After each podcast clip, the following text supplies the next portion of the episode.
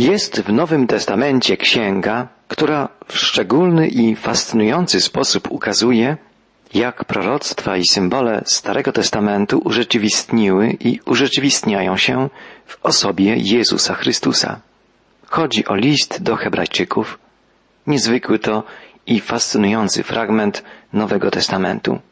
Prawdziwą przygodą i wspaniałym uzupełnieniem, dopełnieniem lektury Starego Testamentu jest lektura tego właśnie listu. Chrystus jako ofiara, jako zadośćuczynienie za nasz grzech. Chrystus jako nasz arcykapłan, nieustannie orędujący za nami.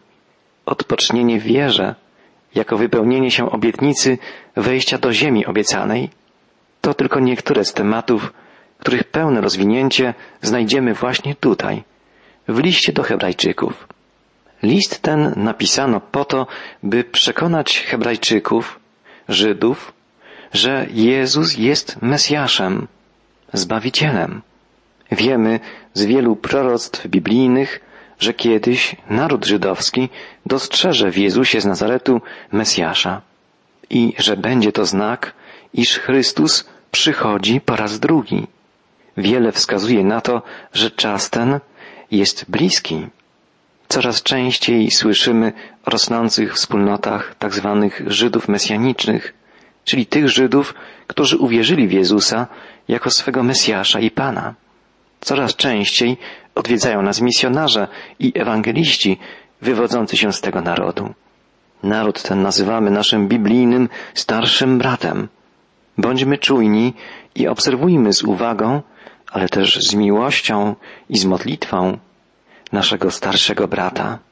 Gdy mówimy obrazowo o Bożym zegarze i o dopełniającym się czasie historycznym, nazywamy lud izraelski małą wskazówką. Jak daleka droga dzieli małą wskazówkę Bożego zegara od dwunastej? Jak daleka droga dzieli ludzkość od kresu historii? Tego nie wiemy.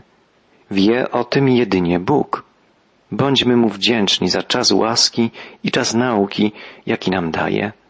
Sięgnijmy po wspaniałą księgę z Jego biblioteki. Księgę, która może sprawić, że pełniej dostrzeżemy oczyma wiary naszego Zbawiciela. Nasza wiara w Niego może utwierdzić się i sprawić, że będziemy czuli się bezpieczni i szczęśliwi, niezależnie od okoliczności, w jakich przychodzi nam żyć. Jedynie w Bogu możemy znaleźć uciszenie swojej duszy. Jedynie w wierze w Chrystusa Pana możemy znaleźć schronienie i odpocznienie. To jest ziemia obiecana, do której powinniśmy wkroczyć i w której powinniśmy przebywać z naszym Zbawicielem. Już teraz, dopóki nie jest za późno. Dziś, jeśli głos Jego usłyszycie, nie zatwardzajcie waszych serc. Tak wzywa autor listu do Hebrajczyków. Pomyślmy o autorze i o przesłaniu tego niezwykłego listu. Niezwykłe jest to, że mimo iż od początku list do Hebrajczyków znajduje się w kanonie Nowego Testamentu i że właściwie nigdy nie poddawano wątpliwość Bożego natchnienia tego listu, nie znamy jego autora. Są różne teorie, różne zdania na temat autorstwa listu do Hebrajczyków ale żadna z tych koncepcji nie jest pewna. W dawniejszych tłumaczeniach Biblii księga ta opatrywana była zwykle nagłówkiem apostoła Pawła list do Hebrajczyków albo świętego Pawła list do Żydów. Jednak od początku rodziło się dużo wątpliwości, czy autorem tego listu jest apostoł Paweł. List do Hebrajczyków ma bowiem zupełnie inny styl niż listy Pawłowe. Oczywiście nie zauważamy tego, czytając Nowy Testament w naszym polskim przekładzie, ale w języku oryginalnym Nowego Testamentu, czyli w języku greckim, można dostrzec ogromną różnicę w stylu, a także w słownictwie, kiedy porównujemy ten list z innymi pismami apostoła Pawła. List do Hebrajczyków napisany jest piękną, staranną Greką, wyróżniającą się prawdziwą wytwornością stylu. Natomiast apostoł Paweł zawsze pisał swoje listy językiem bardzo prostym, starając się, by był to język zrozumiały dla odbiorców jego listów. Waga poruszanych przez niego problemów była tak wielka, a czas tak naglił, że Paweł nie poddawał tego, co pisał, jakiejś szczególnej obróbce językowej. Oczywiście apostoł narodów znał doskonale język grecki. Był jednym z najlepiej wykształconych ludzi tamtych czasów. Potrafił prowadzić dysputy z greckimi filozofami. Znał ich dzieła. Wyśmienicie znał też Stary Testament i całą żydowską literaturę religijną. Ale pisał zawsze w pośpiechu i celowo stosował jak najprostszy, zrozumiały dla wszystkich język. Natomiast autor listu do Hebrajczyków nadał swojemu tekstowi formę doskonałego traktatu z bardzo starannie dobranymi cytatami ze Starego Testamentu. Autor musiał poświęcić temu listowi dużo czasu. Widać, że poprawność i piękno języka były dla niego bardzo ważne. Nie tylko styl, ale i słownictwo odróżnia list do Hebrajczyków od pism Pawłowych. Bibliści wyliczyli, że w liście do Hebrajczyków znajdują się 152 terminy, które poza tym listem nie występują nigdzie indziej w Nowym Testamencie. Teologowie zastanawiają się również nad brakiem w liście do Hebrajczyków takich określeń pa Pawłowych jak objawienie, poznanie, pojednanie, paruzja, łaska, dar i inne. List do Hebrajczyków ma też specyficzne, wyróżniające go akcenty teologiczne. Podkreśla w szczególny sposób wybrane prawdy. Na przykład, o ile w pismach apostoła Pawła i innych apostołów, autorów nowotestamentowych, często czytamy o zmartwychwstaniu Chrystusa, list do Hebrajczyków wymienia to wydarzenie tylko raz. Natomiast kilkakrotnie wspomina o wniebowstąpieniu naszego Pana. Apostoł Paweł nieustannie przypomina ofiarę Chrystusa złożoną na krzyżu. List do Hebrajczyków mówi natomiast o ofierze niebieskiej. Nie zauważamy w liście do Hebrajczyków nauki o pojednaniu i o odkupieniu. Mowa jest natomiast o dokonanym przez Chrystusa oczyszczeniu. Widzimy, że zarówno pod względem językowym, jak i teologicznym list do Hebrajczyków jest wyróżniającym się niezwykłym fragmentem Nowego Testamentu. Z drugiej strony, choć w odmienny sposób, ten przebogaty i niezwykle ciekawy list wyraża jednak podstawowe prawdy nauki Nowego Testamentu. Główną ideą listu do Hebrajczyków jest wykazanie wyższości Nowego Przymierza nad Starym. Znajdziemy tu powtarzane w całym Nowym Testamencie wezwanie do zachowania czujności i przestrogę, by nie nadużywać otrzymanej łaski Bożej. Znajdziemy tu także naukę o niewystarczalności i słabości starotestamentowego prawa i o wypełnieniu go i jednocześnie zniesieniu przez Chrystusa. List do Hebrajczyków podkreśla, że Jezus Chrystus od momentu swego zmartwychwstania i w niebo wstąpienia jest królem i arcykapłanem. Bardzo ciekawe są wypowiedzi na temat listu do Hebrajczyków przedstawicieli epoki wczesnochrześcijańskiej. Orygenes, żyjący w latach 185 do 254, czyli na przełomie II i III wieku naszej ery, napisał Gdyby się rozchodziło o moje zdanie, mniemałbym, że myśli wprawdzie pochodzą od apostoła, wyrażenia jednak i układ należą do kogoś innego, który z pamięci przytacza myśli apostolskie i jak uczeń spisuje słowa swego mistrza. Głębię myśli listu do Hebrajczyków dostrzegali najznakomitsi znawcy Pisma Świętego. W IV wieku Hieronim i Augustyn. Oni też wiązali autorstwo tego listu z apostołem Pawłem. Tak czy inaczej, chrześcijaństwo pierwszych wieków nie wątpiło w natchniony charakter listu do Hebrajczyków i skłonne było przyjąć hipotezę, zgodnie z którą apostoł Paweł bądź napisał ten list po hebrajsku lub aramejsku, natomiast przekładu na język grecki dokonał ktoś inny. Na przykład ewangelista Łukasz, znany z dbałości o styl, bądź, co bardziej prawdopodobne, Pawłowe idee zebrane i spisane zostały w tym liście przez bliżej nam dziś nieznanego ucznia Pawłowego. Apostoł Paweł prawdopodobnie dokładnie przejrzał całość, dodając już bezpośrednio od siebie epilog, czyli zakończenie, które zdecydowanie nosi styl apostoła. Podkreślmy powtarzające się twierdzenie, występujące zarówno w pierwszych wiekach naszej ery, jak i w naszych czasach, że apostoł Paweł niewątpliwie był związany w jakiś sposób z powstaniem tej niezmiernie ważnej księgi Nowego Testamentu. Kto był redaktorem tego pisma, nie jest najistotniejsze. Jak pisał Orygenes, kto ów list zredagował, sam Bóg jedynie wie.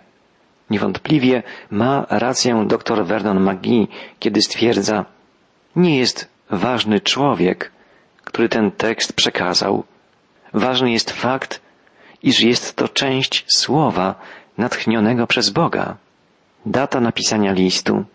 Spróbujmy określić czas powstania tego niezwykłego listu. Tutaj też nie ma jednomyślności wśród biblistów. Ale dwie rzeczy wydają się być pewne. Po pierwsze, odbiorcy listu należą do drugiego pokolenia chrześcijan. Jest w tym liście mowa o tym, iż są to już chrześcijanie doświadczeni, którzy otrzymali Ewangelię od swych poprzedników. Po drugie, sposób, w jaki autor listu wspomina o świątyni jerozolimskiej świadczy, że ona jeszcze istnieje. Wiemy, że zburzona została ta świątynia przez Rzymian w roku 70. Gdyby świątynia jerozolimska była już zburzona, niewątpliwie autor listu wykorzystałby ten fakt w swojej argumentacji. Bardzo wiele bowiem pisze o ofiarach starotestamentowych i o ofierze Chrystusa, jako jedynie wystarczalnej. Warunki, w jakich żyją adresaci listu do Hebrajczyków, odpowiadają czasom, które według zapowiedzi Jezusa miały nastać przed zburzeniem Jerozolimy, a także wszystkim danym, które nam o tych czasach przekazała historia. Tak więc datę napisania listu można ustalić na lata tuż przed rokiem 70, przed zburzeniem jerozolimskiej świątyni. Powiedzmy na koniec naszych wstępnych rozważań o planie listu, o tym, co on zabiera, zawiera. Oczywiście w wielkim skrócie. Pierwsza część listu, obejmująca rozdziały od pierwszego do dziesiątego, to część doktrynalna. Tu czytamy przede wszystkim o Chrystusie, o Jego wyższości nad Starym Przymierzem. W prologu czytamy o Synu Bożym, który jest odbiciem istoty Ojca. Dalej czytamy o wyższości Chrystusa nad aniołami, o boskości Jezusa. W rozdziale trzecim czytamy o wyższości Chrystusa nad Mojżeszem. Dalej znajdujemy przestrogę przed zwątpieniem. I w rozdziale czwartym czytamy o wyższości Chrystusa nad Jozułem. Tu, w rozdziale czwartym, znajdujemy bardzo wspaniałe słowa o odpocznieniu, o wejściu do prawdziwej ziemi obiecanej. W rozdziałach piątym, szóstym i siódmym czytamy o wyższości kapłaństwa Chrystusa. Jezus jest tu ukazany jako prawdziwy arcykapłan. Chrystus jest kapłanem na wieki, na wzór Melchisedeka. Jest doskonałym, wiecznym arcykapłanem. Dalej w rozdziałach od ósmego do dziesiątego czytamy o wyższości ofiary Chrystusa. Chrystus jest tu ukazany jako pośrednik lepszego przymierza. Jest wykazana wyższość służby kapłańskiej Chrystusa w rzeczywistej świątyni. Jest też mowa o wspaniałych skutkach ofiary Chrystusa. Druga część listu, obejmująca rozdziały od 11 do 13, to część praktyczna. Jest tu mowa o nowej jakości życia w Chrystusie. Możemy tematykę tych trzech rozdziałów ująć trzema najważniejszymi terminami wiary chrześcijańskiej. Wiara, nadzieja i miłość. W rozdziale jedenastym jest mowa o wierze. Podane są bohaterskie przykłady wiary dla chrześcijan. W rozdziale dwunastym czytamy o nadziei. Chrystus jest tu ukazany jako wzór wytrwałości, jako nasza nadzieja. I w końcu w ostatnim rozdziale trzynastym jest mowa o miłości. Jest ukazane wspaniałe duchowe braterstwo wszystkich wierzących w Chrystusie. List do Hebrajczyków ukazuje nam możliwość przybliżenia się do Boga, pojednania się z Nim. Ukazuje nam nową drogę do Boga, rysując ją na tle Starego Przymierza. Przybliżanie się do Boga dla ludzi żyjących w erze Starego Przymierza zawsze było niebezpieczne. Bóg powiedział do Mojżesza, nie może mnie człowiek oglądać i pozostać przy życiu. Jakub ze zdziwieniem zawołał, oglądałem Boga twarzą w twarz, a jednak ocalało życie moje. Gdy Manoach uświadomił sobie, kim był jego gość, czytamy o tym w Księdze Sędziów, z przerażeniem powiedział do swej żony, na pewno umrzemy, ponieważ widzieliśmy Boga. Wielkim świętem żydowskim był Dzień Pojednania, czyli Jom Kippur. Był to jedyny dzień w roku, w którym arcykapłan wchodził do miejsca najświętszego i stawał twarzą w twarz przed Bogiem. Tylko arcykapłan mógł tam wejść i tylko w tym jednym, jedynym dniu w roku. Prawo nakazywało, by za długo nie przebywał na tym świętym miejscu. W przeciwnym wypadku mogłoby to sprowadzić na Izrael nieszczęście. Przyjście przed oblicze Boga było rzeczą niebezpieczną, a jeżeli ktoś za długo tam pozostawał, mógł być ukarany śmiercią. W związku z tym pojawiło się w żydowskiej myśli pojęcie przymierza. Bóg w swojej łasce przybliżył się do narodu izraelskiego, oferując mu szczególną społeczność ze sobą. Jednak to szczególne przybliżenie się Boga zostało uwarunkowane przestrzeganiem przez ten naród nadanego mu prawa. Początek tej społeczności i przyjęcie prawa widzimy w dramatycznej scenerii w drugiej księdze Mojżeszowej. Bóg przekazał prawo Mojżeszowi na górze Synaj. Tak więc Izrael mógł zbliżyć się do Boga, ale jedynie pod warunkiem wypełnienia prawa. Naruszenie prawa było grzechem, który stanowił przeszkodę na drodze prowadzącej do Boga. Do usunięcia tej przeszkody został powołany cały system kapłański i system składania ofiar. Prawo zostało nadane, człowiek zgrzeszył, pojawiła się przeszkoda, została złożona ofiara, której zadaniem było otworzenie zamkniętej drogi do Boga. Jednak z doświadczenia wynikało, że ofiara nie jest w stanie dokonać otwarcia w pełni drogi do Boga. Dowodem nieskuteczności całego systemu ofiarniczego było stałe powtarzanie składania ofiar. Była to mało skuteczna i przegrywana walka z usuwaniem bariery, jaką grzech postawił pomiędzy człowiekiem a Bogiem. Potrzebny był doskonały kapłan i doskonała ofiara. Potrzebny był ktoś, kto mógłby złożyć Bogu taką ofiarę, która by raz na zawsze umożliwiła człowiekowi swobodny dostęp do Boga Ojca. Tego właśnie dokonał Chrystus. O tym pisze autor listu do Hebrajczyków. Chrystus jest doskonałym arcykapłanem, ponieważ jest doskonałym człowiekiem, a jednocześnie Bogiem. W swoim człowieczeństwie może On przyprowadzić człowieka przed Boga, a w swojej boskości może On przybliżyć Boga do człowieka.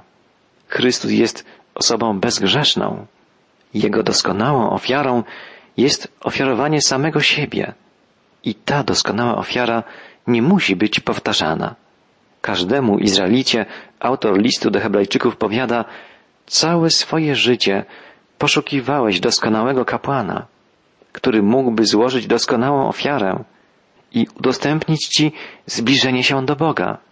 Jezus Chrystus jest takim kapłanem. Rozglądasz się za doskonałą ofiarą, która otworzyłaby Ci drogę do Boga, zamkniętą przez Twoje grzechy. Właśnie taką doskonałą ofiarę znajdziesz w Jezusie Chrystusie. Jezus jest więc zarówno doskonałą ofiarą, jak i doskonałym kapłanem, tym, który umożliwia prawdziwe zbliżenie się do Boga.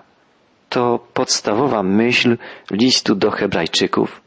To też fundamentalna prawda, na której opiera się cała nasza nadzieja i pewność zbawienia.